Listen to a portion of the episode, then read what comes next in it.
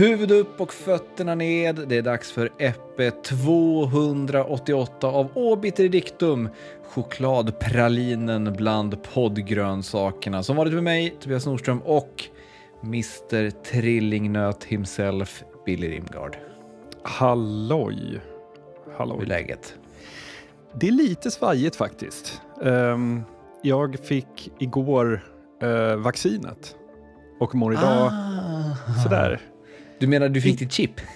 Exakt. Det var en fullständigt absurd upplevelse på många sätt. Eh, för när man kom dit, det här var alltså i en gammal icke använd butikslokal under Skärholmens centrum.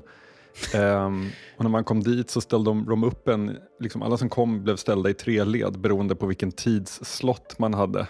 Och sen vid vissa givna intervaller så bara skulle de in med alla. Och då så liksom gick man in och kommer in i den här gamla butikslokalen som fortfarande har eh, så här färgade neonljus på, som lysrör på väggarna, så här rester från det som en gång har legat där. Och man blir liksom så här inslussad i follor, så här. Eh, men måste hålla då avstånd såklart och alla står och dirigerar överallt iklädda liksom någon slags hazmat gear. Ehm, det var en full, alltså så här, det slog någonstans där och då så slog det bara mig så här, just det, det är det här som är the new normal. Eh, Det är också så Det är så- det här, om det här hade varit en film, då hade liksom, så här, det här hade varit inledningsscenen i filmen om pandemin och sen ett “This is me, you're probably wondering how I, I ended up here”. Exakt. Well, let me start from the beginning. Antingen är det det eller så är det evakueringsscenen i första avsnittet av eh, eh, Raised by Wolves. Lite så. Men eh, det gick bra sen då, eller? Oh ja, det gick jättebra. Men eh, så här, dagen efter så, man har den där känslan där man är lite iffy. Att så här, jag är nog på väg att bli sjuk, fast det vet man ju att man inte är, för så här är det ju alltid när man har fått ett vaccin. Uh, men uh, uh, ja, jag är, bara inte, jag är inte på topp. Det är en disclaimer för det som komma ska. Mm, jag förstår. Nej, men jag hörde om en annan som hade fått vaccinet. Då hade de liksom gått in ett, en grupp människor och fått sä- sätta sig i en cirkel typ på stolar. Och så hade liksom en person då gått runt och vaccinerat en och en. Det känns också så här, bara, är, det liksom någon slags effektiviseringsprocess med att man då gör i ordning ett gäng doser och sen bara pang, pang, pang? Eller jag, jag, jag begrep inte Här- riktigt vad, Här använder de ju gamla provhytter, vilket var extra people of late capitalism, när provhytter förvandlas till vaccineringsbås. Ja. Du, jag tänkte vi ska ta upp ett mail vi fick eh, för, eh, vad heter Vi hade kunnat prata om det här i förra veckans avsnitt, men jag, jag glömde bort att jag ville prata om det. Eh, för ett tag sedan så pratade vi ju om det här eh, med eh, saker som har satt stopp för vår turné och så vidare. Eh, och då, jag vet inte om, om den här personen vill att vi nämner vad hen heter, för jag vill prata om eh, att person, var personen jobbar. Personen jobbar på SAS, vilket ger det här meddelandet ändå en viss tyngd. Eh, så att jag, jag utelämnar namnet på personen ifall eh, vederbörande inte vill eh, få sin identitet röjd. Men personen skrev då eh, i mejlet eh, om en bulletin som hade kommit från eh, EASA. Jag vet inte, det känns som att du har bättre koll på vad jag är, än jag är på- vad EASA är. Jag antar att det är European Aviation Safety Agency. Ja, jag vet inte. Ja, jag ser det- i pdf nu att du, du, du har helt rätt. Eh, det European, så? Ja, European Union Aviation eh, Safety Agency eh, är det alltså. Som då i slutet av april skickade ut... Jag tycker inte ge mig tillräckligt bra cred för den eh, liksom logiska eh, Alltså, så här, deduktionen. Jo, det, eller, så jag hade blivit imponerad om det inte var för att jag visste att du har liksom suttit och läst haverirapporter från olika flyggrejer i, i, det. i decennier. Det har Eh, säkert fastnat där i bakhuvudet någonstans. Ja. Jag, ja, jag tänker det. Eh, I alla fall, de har skickat ut en bulletin i slutet på april här eh, som handlar om single event effects on aircraft systems caused by atmospheric radiation. Och då är det då så här enligt den här rapporten att vi nu rör oss in i en period av eh, eh, solar, ny solar activity, alltså, jag vet inte hur man ska säga det på svenska. men Solstormar typ. Ja, solstormar. Eh, det här sker då i cykler och nu då så är vi inne på väg in i en ny cykel med ökad aktivitet. Eh, och den här cykeln förväntas nå sin peak någon gång under 2025. Så vi har några år på oss innan vi är i infernot. Eh, men det var en, en, en eh, sak som eh, personen som skickade mejlet även lyfte fram, men som jag också fastnade för, var under eh, rubriken recommendations i den här bulletinen så står det aircraft operators should be aware of this phenomenon uh, and that there is a possibility that the frequency of apparent random system failures might, might change during the solar cycle. det känns inte så tryggt. Nej, exakt. På något sätt så får jag så här lättheten som de skriver det där med, att by the way, får mig på något sätt att tänka på eh, sådana här resource management-spel som utspelar sig i rymden när man ska liksom befolka någon ny planet. Och så får man någon sån här liten rapport från sina forskare som bara påminner om att a solar eclipse has begun. Och man vet att nu svälter vi ihjäl för vi har inte tillräckligt i våra lager. Man har ju en naggande känsla ibland av att så här, eh, över hur nära det är att det går åt helvete egentligen, men att vi hela tiden klarar oss. Det finns ju, det är inte sällan, det är sällan vi citerar den filmen i den här podden, men en, en, en scen i den första Man in Black, eller Men in Black, så mm. finns det ju eh, en chef på Men in Black som säger att, eh, då till Will Smiths karaktär som ju är ny på den här institutionen som förklarar att det är alltid något stort rymdskepp eller en meteorit som, som hotar jorden. Men eh, eftersom att det aldrig blir någonting så är det ingen som bryr sig, eller så, eh, så behöver ingen oroa sig. Eh, mm.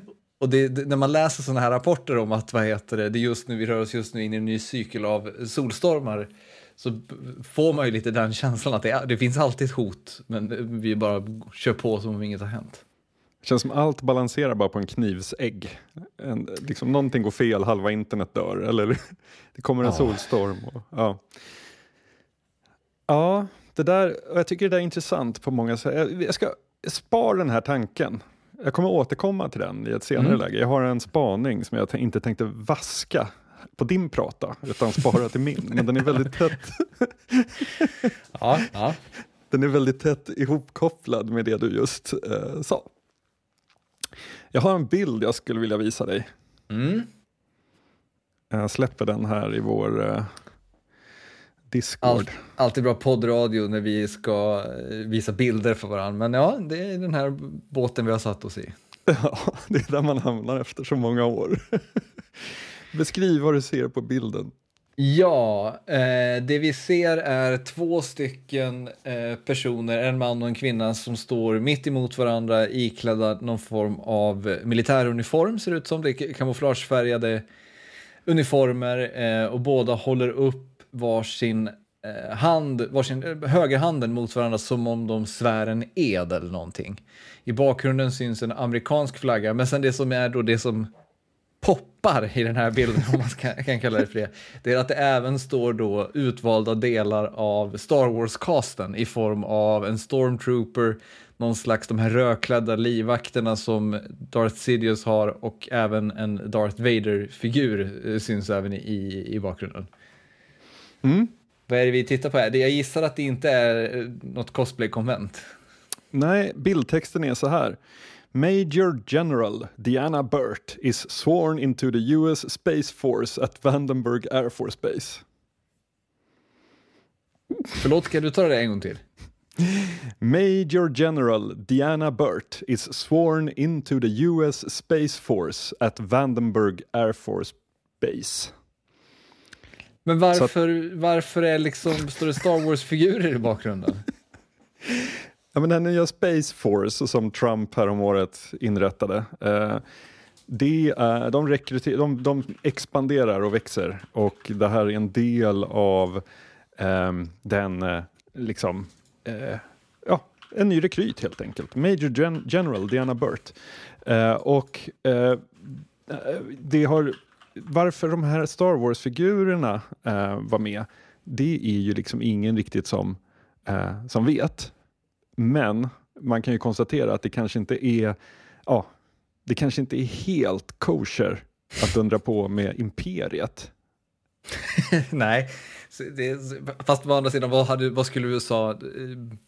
Vad menar du? Alltså, de, de förstår ju också själva att det hade ju rimmat falskt om de hade, om det hade liksom, om Luke Skywalker och motståndsrörelsen hade stått där i bakgrunden. Men jag tänker så här, här om året så blev det ju stort liv när Space Force släppte sitt emblem eller insignia. För det är ju liksom eh, eh, Starfleet, eh, eller The Federation på många sätt. Mm. Um, eller Starfleet är det väl. Uh, och uh, jag förstår inte varför, alltså, uh, ta, det, det, måste ju vara liksom kommunikatörer eller på något sätt PR-folk som inte bottnar alls i vad de står för, de här grejerna. Som, som drar lite från höften och klär upp det här. och man ska ju säga det att Major General Diana Burt, hon är ju liksom, jag skulle säga runt 40, kanske lite äldre, runt 43 någonstans där. Um, och det, ljussättningen är ju verkligen, det är ju lysrör i någon hangar liksom. Ja, ja, ja, det, men det är precis, det är ingen, det ser inte ut som att det här är någon form av liksom hypad propagandagrej. Nej, eh, men vad, ja, men det, alltså det är också så här, förstår de inte att det här bara drar ett, ännu mer ett löjets skimmer över alltihop? Ja. Det är liksom... Um, det är helt obegripligt. Ja, jag, jag, jag, blir, jag blir nästan sugen på att liksom forska mer på vad, vad det här är tänkt att det ska liksom symbolisera. Men är det liksom att de tänker då bara att Star Wars och rymden, it's a thing? Ja, exakt. okay. ja. Det är, min enda läs, det är den enda möjliga läsningen av den här bilden, känner jag. Um, det säger något om vår samtid. Ja, det säger kanske mer om den amerikanska militären, men ja. Eh, ja. Vad heter det? Det har ju snackats mycket de senaste åren om, eh, eller det har snackats mycket, men det finns ju en falang inom vuxenvärlden som, är, eh, som gör gällande att det här med att titta på eh, när andra spelar dataspel är någonting som är liksom eh, passiviserande, det är någonting som liksom är moraliskt förkastligt på något plan, att det helt enkelt är liksom värdelöst. Eh, vänta, vänta, är det samma personer som tittar på tv när andra köper hus? Eh, det, ja, och framförallt den vanliga analogin jag har sett på, på, i spelvärlden är också det är samma personer som tittar på när andra människor spelar fotboll exempelvis. Eh. Ehm, men eh, folk tittar ju då på när folk spelar dataspel och grejer. Men jag har nu tagit det här ett steg längre. Eh, kände du till Critical Role? Nej. Det här var någonting jag upptäckte i början på det här året, eh, hade aldrig hört talas om innan, eh, när jag satt och googlade lite på eh, Dungeons and Dragons. Det är så att jag har aldrig spelat Dungeons and Dragons, men man eh, är ändå intresserad på ett plan av Dungeons and Dragons i och med att det är ett gigantiskt fenomen inom populär och framförallt nördkulturen. Men pratar du om Dungeons and Dragons specifikt, märket Dungeons and Dragons, eller pratar du om bordrollspel överlag? Eh, jag pratar nog ganska specifikt om Dungeons and Dragons, tror jag. Min bristande kunskap i ämnet gör att eh, jag inte är helt säker. Mm. Eh, men jag tror att det, att det verkligen är D&D eh, det, det här handlar om. Eh, för det jag gjorde var att jag satt och sökte på eh, då, hur det liksom kunde se ut när folk spelar D&D. Som att jag aldrig själv har spelat men vet hur, hur, liksom, hur det går till i teorin och har sett olika representationer i film och tv-serier när folk spelar D&D så blev jag liksom nyfiken på men hur går det till egentligen? Eh, för jag förstår ju att det inte är som i liksom, ja, valfri amerikansk 80-talsfilm när det ska presenteras. Det, det, jag gissar att det liksom är lite taffligare. Men som det så ofta blir på internet så hittade jag inte det taffliga först, utan jag hittade ju det, det, liksom, det feta först. eh, och det är ju då critical role. Som är helt enkelt ett gäng eh, voice actors, framförallt från, från spelvärlden, eh, som då har i många, många års tid haft ett projekt där de spelar olika Dungeons and Dragons-kampanjer tillsammans och de gör det här otroligt länge. Mm. Eh, det är liksom så här, de har, de har, de har liksom spelat två kampanjer och jag tar upp det nu för att den andra kampanjen gick i mål nu i veckan. Eh, Och de här kampanjerna innehåller liksom över 100 avsnitt styck och varje avsnitt är mellan liksom tre och fem timmar långa. mm. Så vi pratar liksom om liksom, ja, nästan tusen timmar dd eh, spelande helt enkelt. Och det är liksom ganska kul när det är liksom voice actors som man märker har spelat mycket D&D för de, ja, du fattar, de sitter och gör röster och, och, och har en väldigt skicklig Dungeon Master som målar upp eh, bilder och skapar karaktärer och så vidare. Eh, men då, då, slog det mig liksom först att det här måste ju liksom vara den här höjden av den här passiviteten som som kritikerna menar att den här, en, en generation nu pysslar med. För det ska säga, alltså, de har en miljonpublik. Det, det är hundratusentals tittare när de streamar och deras vods i efterhand har liksom miljoner visningar. Är det Twitch eh, vi pratar om? De, de streamar på Twitch och har en, en väldigt stor YouTube-kanal också. De höll länge till på en eh, amerikansk YouTube-kanal som heter Geeks and Sundry men har på slutet kört på en, en helt egen för Critical Role. Um, men som sagt, det här är ju på något sätt nästa nivå i passivitet på något plan. Om man tänker att när man tittar på någon som spelar ett data eller tv-spel så tittar man ändå på någon som agerar på någonting man kan titta på. Mm. Men när man tittar på någon som håller på med Dungeons and Dragons, då tittar man på någon annan som sitter och föreställer sig att någonting sker inne i sitt eget huvud. Ja. Eh, vilket ju då blir, blir liksom, det blir bisarrt att det är underhållande på ett sätt. Eh, men sen då så tänkte jag ett varv till och insåg att så, det här är ju egentligen, liksom, det man är tillbaka vid nu är ju den äldsta berättarformen som finns, nämligen barden nu är vi liksom tillbaka till lägerelden, en berättarledare eh, interagerar med de som sitter runt lägerelden och låter dem fylla i berättelsen. Eh, och vi då sitter som åhörare vid sidan av och kan leva oss in i den här världen. Eh, har jag rätt eller försöker jag bara urs ursäkta att jag tar del av någonting som är eh, extremt derivative? Jag, jag önskar jag kunde stå här bredvid och applådera detta. um, men jag antar att det finns ju någonting i det här. Alltså det finns ju ändå, eh, eh, eh, så här. Eh, jag har ju ändå lirat en del eh, rollspel i mina dagar. Eh, och det jag fick ut av det var ju på något sätt att ehm, få vara i den här världen själv.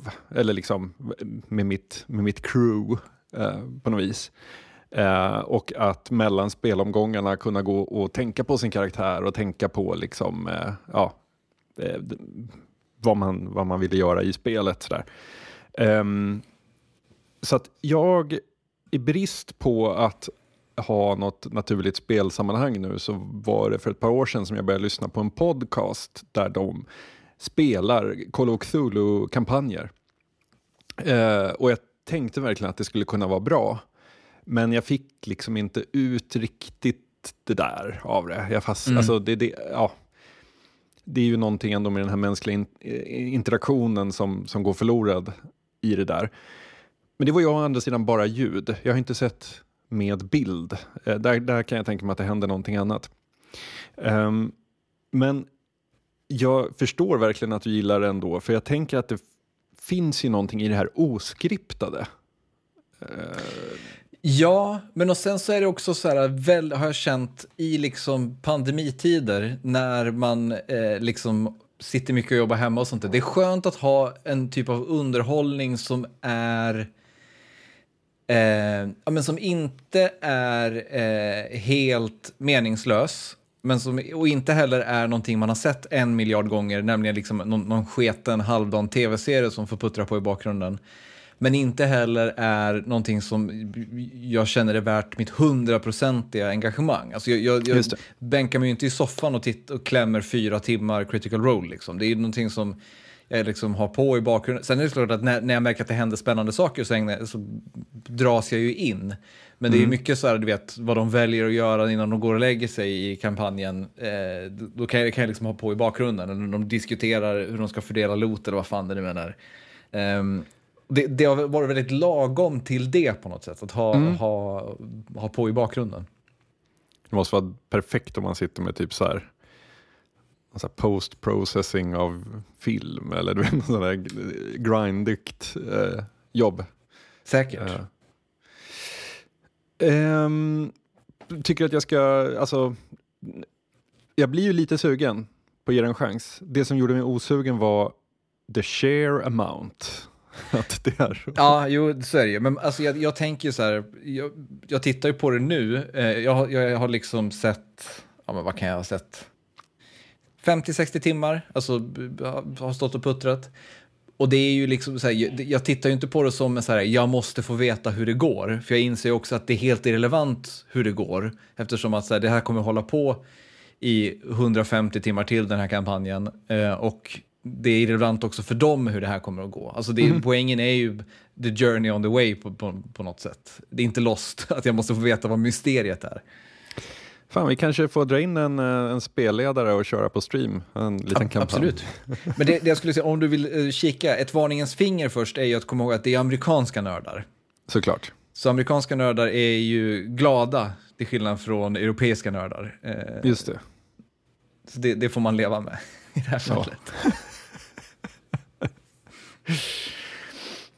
um, jag har ju till och från de senaste åren pratat om eh, att lära sig nya saker. Att så här, jag har ju hoppat på en del eh, tåg kan man ju säga. Eh, för jag har upptäckt att det är väldigt roligt när man inte är 25 och ängslig och vill vara bäst i världen på varje ny grej man tar sig för. Eh, så det är väldigt roligt att lära sig nya saker och eh, bara plocka upp skills man liksom aldrig, aldrig har haft. Ehm, och här om året... L- är, det, är, är ditt lödande, är det en del i det här? Definitivt, definitivt. Mm. Eh, eh, kort uppdatering angående det. Alltså, eh, jag sitter och väntar, alltså, när, vi prat, när jag berättade om det här i en eh, podd för ett antal, ja det är två månader sedan. Eh, en beställning med prylar som jag hade lagt då för en grej som jag var aspepp på att börja liksom labba med då. Eh, beräknad eh, ankomst april 2022 på grund av eh, eh, halvledarkrisen. Just det. Och det där får en ju att... Det är uppförsbacke kan jag säga. Det är svårt Mm. att bibehålla peppen när, när grejerna inte finns. men jag, lite, jag lärde fortfarande kit, jag pysslar, men eh, fan, man, man, man vill ju gå all in liksom. Och när Mm. yttre omständigheter hindrar en så eh, finns ju alltid en risk att man, eh, man eh, hamnar off track, så att säga. Det är också en Eh. jävla utmaning att hålla peppen vid liv till våren 2022. Absolut, absolut. Då kommer man ju ha snöat in på något annat kanske. Men ja, jag, jag kämpar på en stund till. Eh, för två år sedan så var det ju eh, programmering som jag var eh, nere med. Jag skulle lära mig lite JavaScript. Och en app som jag använde då, den byggde väldigt mycket på eh, flashcard-tekniken. Känner du till flashcards? Ja, alltså om du menar lag, ett, eh, lagringsmediet så att säga. Nej, Nej. Minnes, minnestekniken eller Nej, då, inlärningstekniken. det, det känner jag inte till.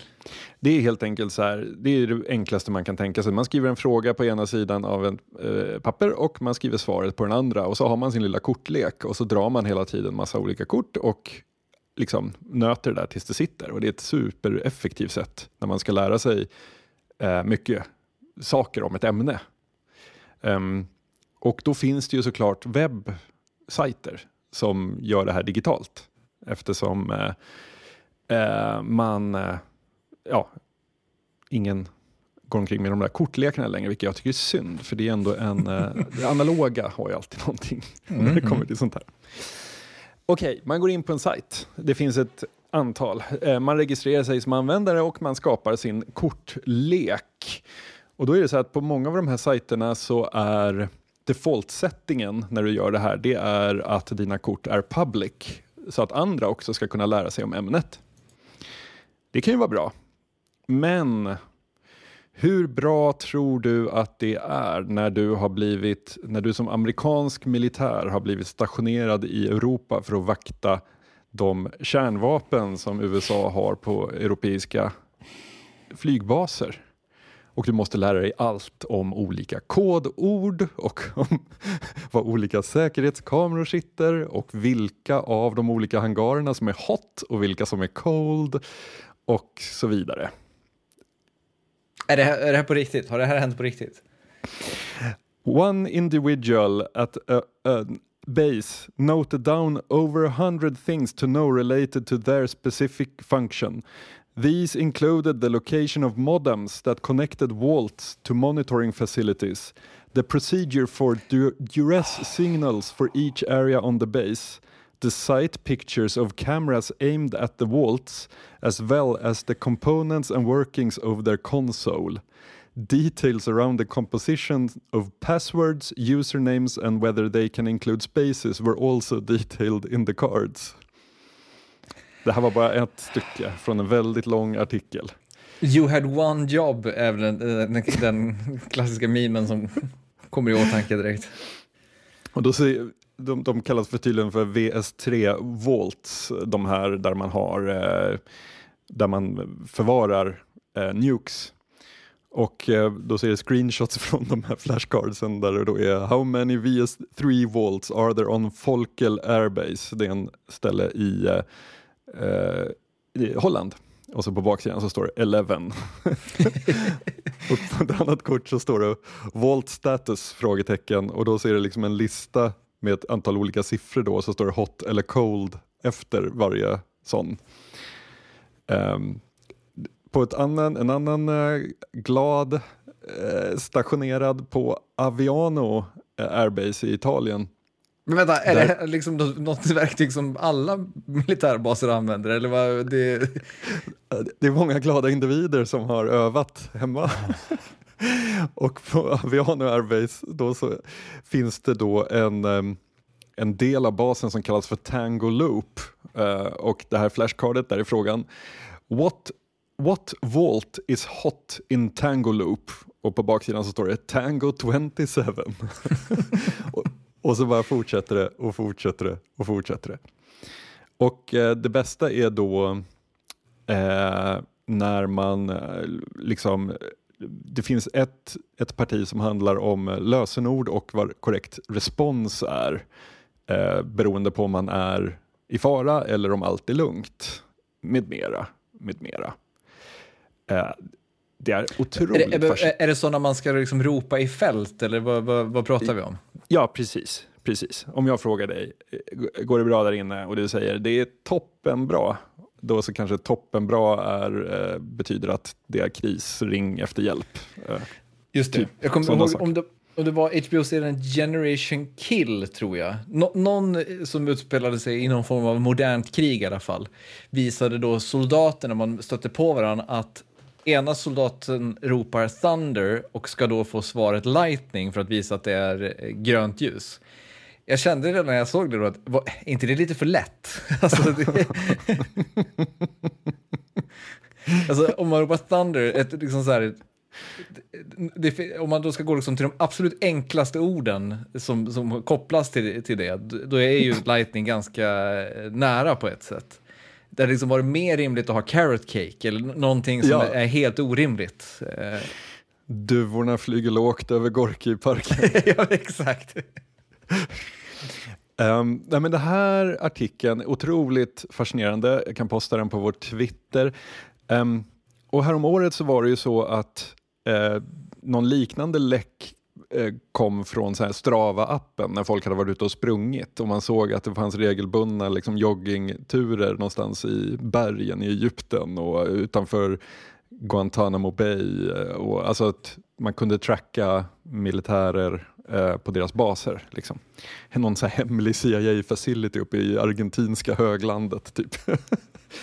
um, och det här får mig att återkoppla lite till det du sa eh, kring att allting står och balanserar på någon slags knivsägg. Vi är liksom, mm. Katastrofen är bara runt hörnet. För när man, när man tänker sig att liksom, det är inte ens officiellt att det finns liksom amerikanska kärnvapen på europeisk mark. Det är ju, inte en, det är ingenting som någon har bekräftat. Här får vi reda på deras kodnamn och vilka, exakt vilka liksom volts de eh, förvaras i. Um, och på något sätt så är det så här, jag, jag kan bli lite trygg av det här ändå.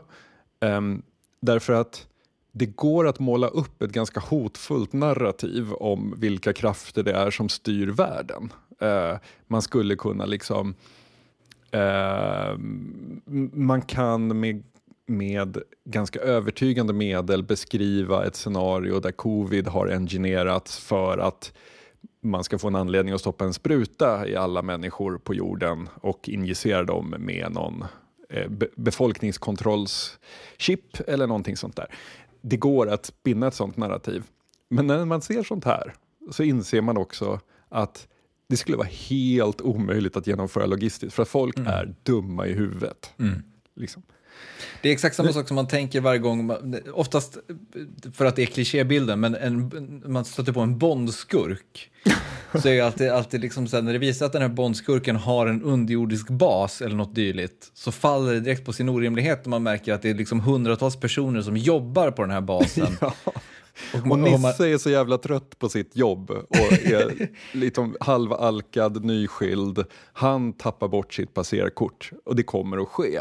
Det kommer att finnas en dålig mellanchef som håller på och intrigerar och manövrerar.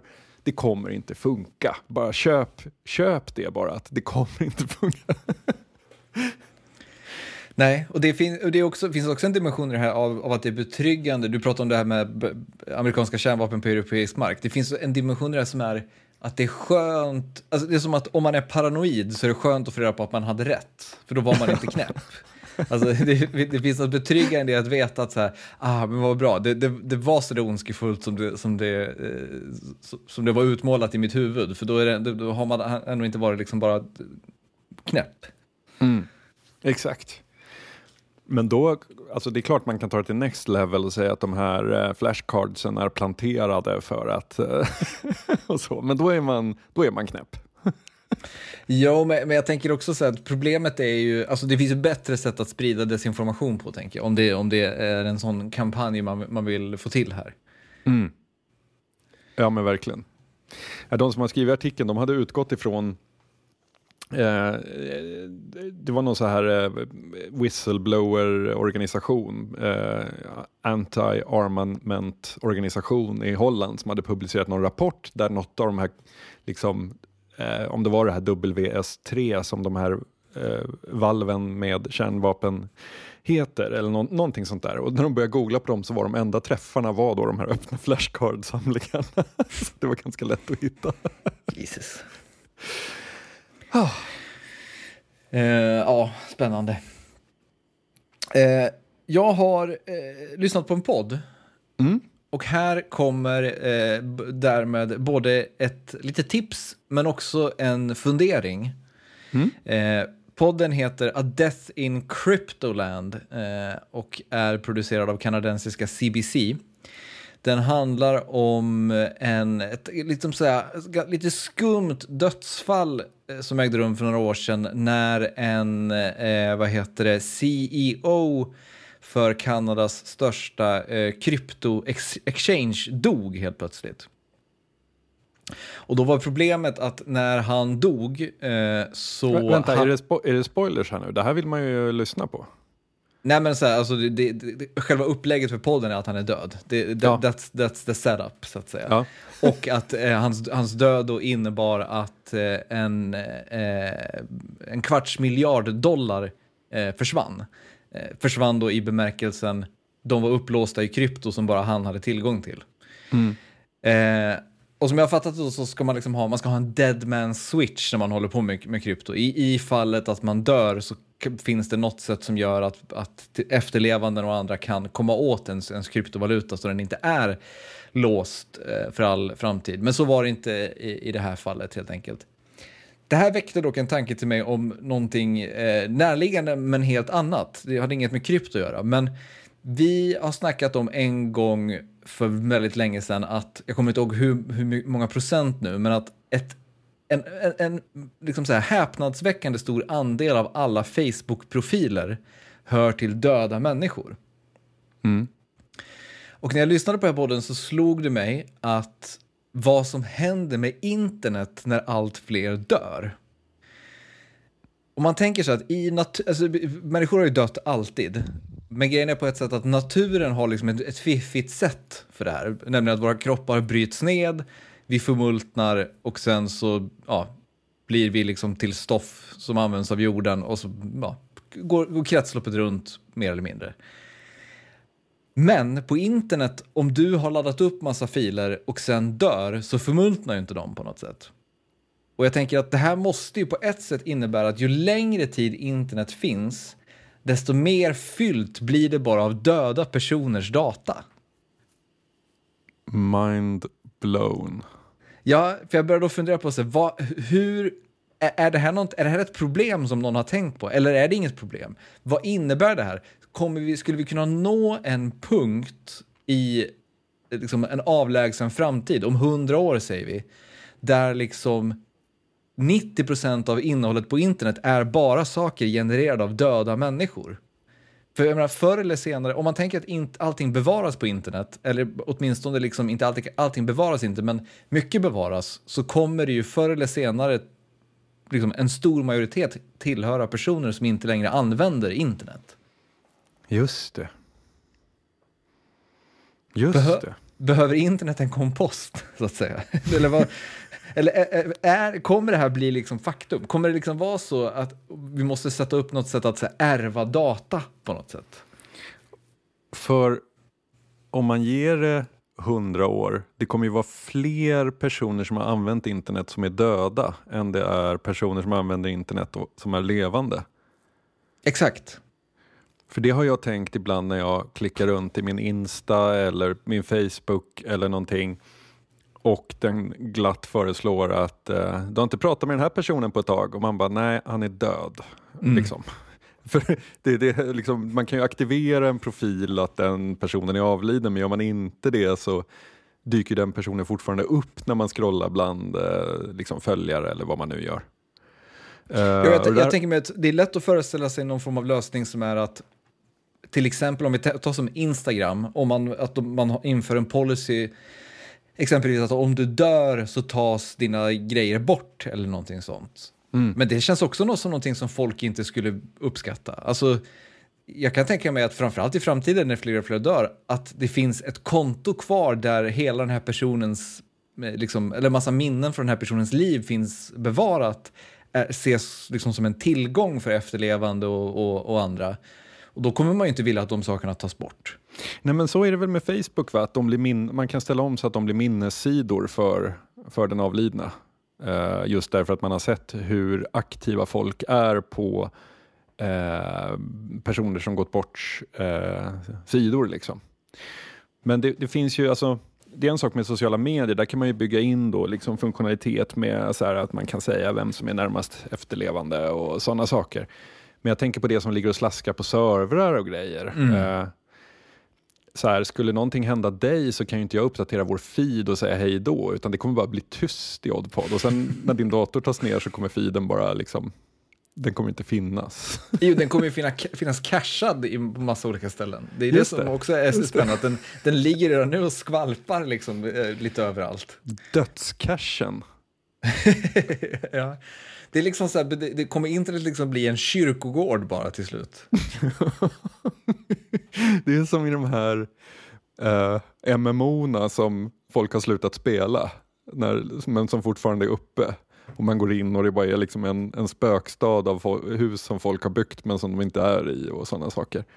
Gamla Minecraft-servrar och eh, det finns väl en hel liksom, arkeologiscen runt. Eh, Ja.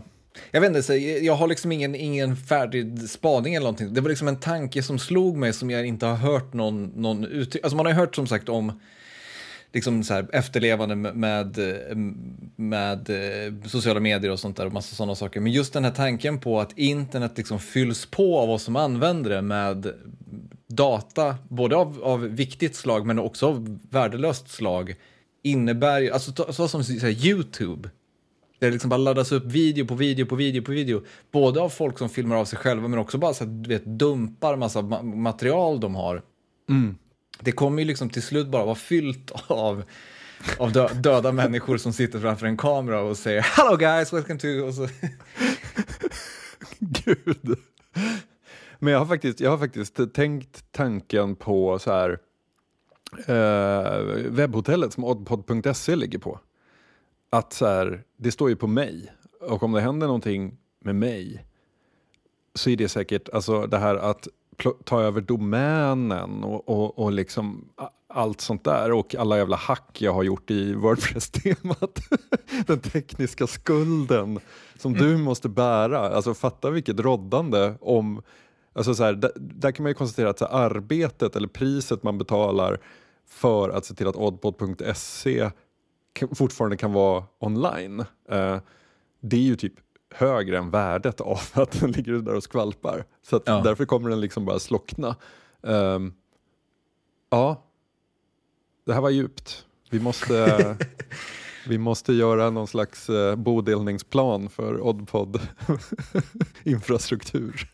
Men för eventuellt oroliga lyssnare nu så kan jag ju också, jag kan ju lugna er med att alltså, Oddpod-katalogen finns i, i, dagsläget så finns den liksom på fyra olika ställen eh, hela tiden. Så att, Tack till cykelgaraget på Twitter. Ja, eh, som... det är ju underbart. Eh, det, men så att det, det, det är inte det är inte katastrof om en av, eller ja det är klart att det är katastrof om en av oss dör, men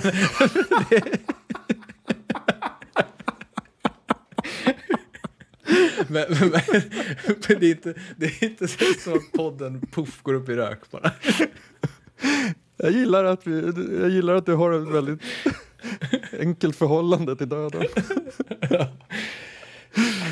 Åh oh, jäklar. Ska vi gå vidare? Ja. Noir, låt oss fortsätta in i mörkret med noir-cirkeln kanske. Åh, oh, jösses. Så här nära har vi aldrig varit döden i Oddpod, tror jag. Ja, kanske inte. Um, Noir. Noir 2021 är ett projekt vi håller på med och till denna gång så har vi tittat på Night and the City.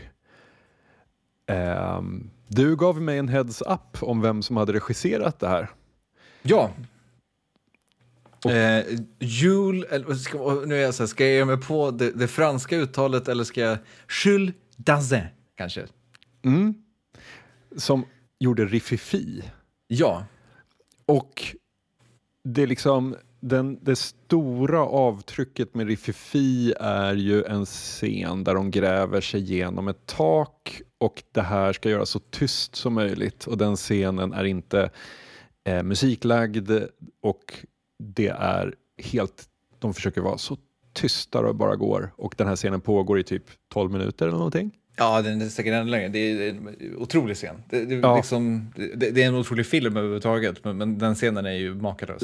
Jag andades kanske tre gånger under den scenen. Jag var så, alltså shit vad den, eh, vad man levde sig med i den. Eh, han gör nästan, han försöker liksom eh, göra en, eh, li, alltså lite som så här eurodiscobanden på 90-talet som kom ut först med, eh, först kom Calcutta av Dr Bombay och sen kom, vad hette den andra, Rice and Curry och den var inte riktigt lika bra. Okej. Okay. och lite Men... på samma sätt så känns det som att han försöker upprepa det här i en slagsmålsscen. Ja, men jag vill ändå så här, det här kommer kanske rasera det du säger ganska mycket, men den här filmen kom ju innan Riffifi ska sägas. Ah, han övar här alltså? Ja, precis. Ja, just det, just det, för Riffifi är 60-tal ja. När Nej, 50, 55, så fem år, fem år senare ah. gör, kommer eh, Riffifi. Jag förstår, ja, men, men, men det, då, då behöver vi inte dra Dr Bombay-referensen hela vägen, utan vi kan konstatera att han han kände på ett koncept, han var inne på en grej. Exakt. Det, det, är, det är liksom Reservoir Dogs är uppvärmningen för Pulp Fiction. Precis, nu, det, nu snackar vi. Ja. Men innan, innan vi lämnar Riffifi, men vi kan ändå säga att det är ändå otroligt eh, att få så pass starkt kulturellt genomslag att man eh, sätter namn på eh, det kriminella som filmen eh, eh, vad heter det, berättar om. Alltså, att borras in genom taket på en byggnad och stjäla någonting, det, är ju, det heter ju en Riffifi-kupp nu för tiden efter filmen Riffifi. Det är ju det är snyggt att kunna ja. lämna ett sånt historiskt avtryck. Verkligen, verkligen. Det gillar man. Men The Night and the City um, lämnade inte lika stort kulturellt avtryck. Uh, Nej, jag kan alltså, det här med att ha hjärtat i halsgropen, det känns ju som att det är den effekten de vill åt i den här filmen men they jumped the shark kan man väl säga. Det, det, det, man, man, man kan ha hjärtat i halsgropen så pass länge, sen, sen eh, blir man lite matt. Mm. Pratar du om hela filmen då eller pratar du om den här slagsmålscenen som liksom jag antar att de har stått och smaskat på gamla griskadaver eller någonting för det är de här riktigt, riktigt klafsiga träffarna liksom. När de eh, spöar på varandra i en boxningsring eller Nej, Jag, wrestlingring. jag, jag pratar nog om, mer om filmen, alltså så fort filmens setup har kommit, eh, nämligen, eh, jag vet inte, om jag ser på handlingen jättekort. Ja, eh, precis. Det börjar med en person som springer och han eh, spring, kommer springa hela filmen kan man säga. en hustler i London. En småfifflare som försöker dra in stålar genom att eh, lura folk till en klubb eller ja, han har grejer på gång men han har inga pengar att investera i dem. Eh, och han är en jag menar, jag menar en hustler, liksom. ingen conman egentligen utan han, han har ju ambitioner i, i den londonska undervärlden. Men han är också en klåpare. Ehm, kan man väl säga. Absolut. Och man kan väl säga också att hela hans poäng är på något sätt att hans eh, hustlerverksamhet och framförallt då eh, ambition om att komma på en idé som ska ge honom massa pengar försätter honom i trubbel i och med att han eh, försöker spela olika människor antingen mot varann eller bara spel, spela dem eh, rakt över disk för att eh, ja, men få deras pengar helt enkelt. Eh, och det är just det här jag menar med att man blir ganska matt ändå. För det är som att filmen ägnar en kvart åt att introducera de olika figurerna och karaktärerna och sen fattar man ganska snart åt vartåt, vartåt det här barkar. Man fattar att Harry Fabian, som personen eh, kallas, är en, eh, ja, men att han inte är en, en skicklig hustler. Han är, eh, han är liksom, han är inte Paul Newman. Eh, så man, man förstår vartåt det här barkar och man förstår också att när han liksom blir mer och mer insyltad med eh, olika eh, ljusskygga figurer så, så inser man att så här, det här kommer inte sluta bra. Eh, och så är det som att man bara väntar på att det ska gå åt helvete. Det är ju en ständigt nedåtgående spiral kan man ju säga. Eh, det är en sån här film som börjar i moll och sen så man bara vet från början att det här, det här är kört. Eh, tänkte lite på de här eh, Babel och 21 gram. Eh, Mm, mm. Just det här, det, det finns liksom ingenting som talar för att eh, det här kommer gå bra. Eh, Nej. Tycker du, men tycker du, att det, tycker du att det håller? Alltså just den, lyckas de sp- spela på den känslan på ett bra sätt? Grejen är så här att jag hade nog gärna sett honom som lite mer, alltså han hade gärna fått vara lite mer älskvärd. För redan i introt, alltså i första scenen, han, han är jagad av någon, eh, flyr hem till en kvinna. Eh, hon är i badrummet typ och han smyger fram och ska stjäla pengar ur hennes handväska. Alltså redan där så tycker man ju att han är rätt osoft och hon kommer ut och bara vad gör du liksom? Han bara jag letar efter cigaretter. Alltså man, han har ju inte ens sympatier direkt. Liksom. Eh, däremot kan jag ju tänka mig att den här typen av person eh, fanns och finns i 13 på dussinet. Eh, små Oh ja. som drömmer om den stora grejen, bara det att de har varken eh, den intellektuella kapaciteten eller muskelkraften att eh, bli någonting någon gång och det slutar alltid med undergången på något vis.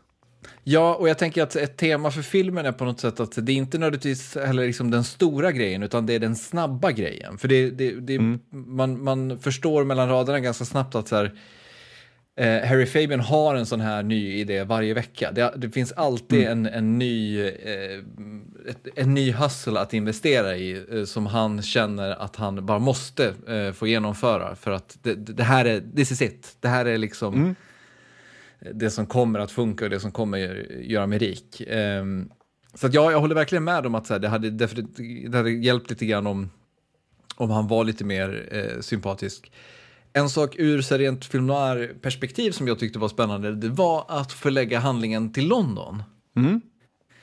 För det händer någonting med, alltså om man tänker på de film noir-filmerna vi har sett hittills, så är det liksom så här, det finns någonting väldigt amerikanskt över det på något sätt. Mm. Eh, i ja, men, män som röker och har trenchcoats och liksom är tuffa. Det blir liksom inte lika tufft när man har en, en brittisk klubbägare som Yes my dear boy. Alltså det, det, det, någonting av det här hårdkokta försvinner lite grann. Mm. Ja men verkligen. Um, brittiska 50-talet känns liksom så himla inte farligt på något vis. alltså så man gillar ju, eh, vad, vad, heter den trilogin av han, vad heter han? Ah, du vet, mitt minne. Eh, men så gangster, ehm, eh, The Long Firm, nej vad fan heter den? The Long Firm? Eh, när är vi i tid? Är vi på 50-talet Vi är tidigt 80-tal, eh, 70-80-tal. En, en sån riktigt hårdkokt eh, brittisk gangsterromantrilogi eh, som är fantastisk. Eh, men då ah, är man okay. liksom i den hårda thatcherismen. Ehm, man är i, ehm, det är skinheads, det är eh, knark, det är fotbollshuliganer, det är de här bröderna, kända brittiska eh, maffiabröderna eh, som, som, som härjar. Det har ju Spice. Eh, sen finns det ju på andra sidan spektrat liksom Peaky Blinders, mm. det har också viss Spice. Men just brittiskt 50-tal känns inte Spice. Det känns eh, lite för eh, jovialiskt. Ja, det, det är liksom så här, det, det, det, finns någonting, du är inne på någonting där med att britt, i, i Storbritannien så är liksom det farliga är arbetarklassen på något sätt. Mm. Och här är vi liksom inte riktigt där. På ett plan är, är det ju där vi är, men, men liksom, det, det handlar mycket mer om någon form av vad ska man kalla det, giriga entreprenörer typ, eh, som, som kanske inte alltid håller sig till eh, på rätt sida lagen. Men, och det håller jag med om att det inte riktigt, eller, det gifter sig inte riktigt med det brittiska, eh, kan jag känna. Men däremot så liksom så här, hela upplägget känns ju ganska bra noir-mässigt ändå på något sätt. Eh, den, just den här desperationen och den här stämningen med, med i, i Londons nattliv tycker jag funkar eh, ganska bra. Mm. Ja men verkligen. The Long Firm av Jake Arnott. Det är rekommenderad läsning, eller? Oh ja, svinbra. Svinbra. Men den är väl... Ehm, eh, ja, det var ju såklart 60-talet då. Då kanske det är tredje... Det kanske är tredje ehm, Alltså okej, okay, The Long Firm är den första eh, i trilogin. Eh, jag vet inte vad de andra heter. Uh, och den, den, den utspelas på 60-talet, men då finns det ju någonting, för då har du ju mods och det är liksom, ja. Så, men den är svinbra, alla tre. Mm. Faktiskt. Härligt. Men uh, den här filmen då, den här hustlern, det han gör är ju att han träffar en grekisk legendarisk wrestler. Um, och tutar i honom, eh, för den här eh, pensionerade wrestlern, han är så sur på sin son som driver wrestlingscenen i London därför att han tycker att det är så töntigt. Eh, och det här hör ju Harry Fabian och eh, liksom lurar i honom att han står för den eh, riktiga wrestlingen. Så han ska starta en liksom, konkurrerande cirkus. Um, men eh, det är ju fel, eh, fel val att göra när wrestlingscenen styrs av, eh, vad heter han, Mirko? Eller någonting sånt. Jag kommer inte ihåg ens vad han heter nu. Eh, Christo. Christo. Eh, som är lite mer hårdbarkad än Harry Fabian och det slutar såklart i, i haveri. Um, den där tyckte, alltså det jag tyckte var riktigt snyggt var ju slutet när Christo har satt ett pris på Fabians huvud och Fabian, liksom, när han dör eh, så gör han det medan han försöker övertala Christo om att det var hans, alltså den här kvinnan som han snodde pengar från, att det var hon som ska få, eh, hon hade angivit honom liksom. Eh, mm. i ett försök att hon ska få de här tusen punden som är på hans huvud. Eh, det, var, det var liksom på något vis eh, en hustlers död att i, även i the dying moment försöka dra en, en story. Det, det tyckte jag var snyggt gjort. Eh. Ja, det, det, det, jag håller med om att slutet var snyggt. Däremot så köpte jag inte riktigt hans... Alltså den grejen med att han, så att han jag har någon form av liksom, mm, snyfthistoria där om att så här, det enda han ville hela tiden var att ge den här Mary då, som är tjejen han försöker stjäla pengar från i början, ett drägligt liv där hon skulle få mer pengar och bla bla bla. Och det, det, det, så det, är det ju inte, Harry. Nej, men trodde man på det då? När han gör det? Alltså, vill inte han det- bara... Och det är ändå det inte han, han- vet att, att han är nära slutet. Liksom. Det, det är ändå det, som någon form av sista, sista bekännelse på något sätt. Ja, i och för sig. Men min läsning av det var snarare att här, dra en sista skröna så att han skulle bli ihågkommen av henne som en god person trots allt. Typ. Ah, okej. att, att han inser att nu, jag har fifflat och ljugit och hastlat hela livet, nu är det slut. Jag, jag kommer vara glömd inom en vecka. Eh, han hade in- ingen dödscash. så att han försöker dra den här skrönan för henne och eh, liksom få henne att minnas honom. Typ. Det var min, min läsning, men det, den, det finns inget som säger att den är rätt. Nej, men det är intressant. Jag, jag gillar tanken. Det, det, att han är, det är en fin idé att han är hustler hela vägen in i mål, så att säga. Vad, vi har inte betygsatt eller någonting, men, men gillade du... Eh, jag, jag, jag tyckte den här var sådär. Eh, inte den bästa hittills. Den bästa hittills tycker jag var den här eh, vi såg för ett par veckor sedan. Va, vilken, eh, men nu måste vi nästan reda ut vilken du tycker är bäst. För jag vill, jag, The Harder They Killers. Fall, The, The Killers. Killers. Mm. Mm. Jag gillar också The Killers, men jag tycker nog ändå, även ifall inte den var mest noirig, så tycker jag ändå att Sunset Boulevard har varit, har varit bäst hittills. Mm. Eh, jag gillade också b- Riddarfranken från, från Malta. Men Mm. eh, jag håller med om att den här, ja, sådär. Eh, helt okej skulle jag säga, men, men eh, Det är, Det är topp- det är en topp 20 så att alla måste ju vara helt okej hoppas jag. Precis. Eh, exakt. Och vi gör väl så att vi, vi riktar blicken mot John T. Chans eh, lista. Det här var alltså nu då plats 16 på John T. Chans noir-lista, eh, Night in the City från 1950. Eh, och ser då vad vi ska titta på till eh, nästa podd. Eh, och då är vi alltså på plats nummer 15 och vi håller oss kvar i 1950 för tredje eh, cirkelvändan på raken. Eh, och vi ska tillbaka till Humphrey Bogart och vi ska se In a Lonely Place. Eh, regisserad av Nicholas Ray, eh, som på många sätt är en klassisk eh, Hollywood-regissör. Eh, Tillbaka till Bogart alltså, det, känns tryggt Mm. ändå. Och tillbaka till en Joy Division-referens. jag vet inte om vi har varit där tidigare, men ja. ja, kul. Vilket guldår 1950 var. Ja, ver- verkligen. Eh, det får man ändå säga. Spännande. Mm. då, då ska vi hålla ögonen på om det här är ytterligare en sån där film där Bogart är i, i princip varje filmruta. Eh, Det, det tror jag. Eh, Ja. Jag tror jag kan ha sett den här. Jag måste kolla, kolla, men jag tror jag kan ha sett den här. Vad heter det? Jag vet att den eh, är väldigt eh, vad heter upphöjd som en av de bästa några filmerna. Men på John T. Chans lista så tar den sig bara till plats 15 alltså. Det, är- Mm. det är- ska bli intressant att se vad vi vad får den när vi kommer upp på toppen. Grymme. Men eh, med det så är det väl dags att avsluta veckans Oddpod. Tack till dig som stöder oss på Patreon. Patreon.com Oddpod. Det är, eller Oddpodcast. Eh, Oddpod. Oddpod är det nog. Är det inte bara Oddpod? Jo. Hur fan. Jag måste, jag måste kolla här. Vi måste bli bättre på det här. Vi glömmer, vi glömmer allt och det, åh, det är så dåligt. Patreon.com snedstreck oddpodder alltså. Ja, tack. Ja, vi, vi- är dåliga försäljare, vi är dåliga salesmen, men, men köp ändå, så att säga. Vi har, lite, vi har övat i 11 år men vi behöver nog bli bättre på att pitcha. Ja, antagligen.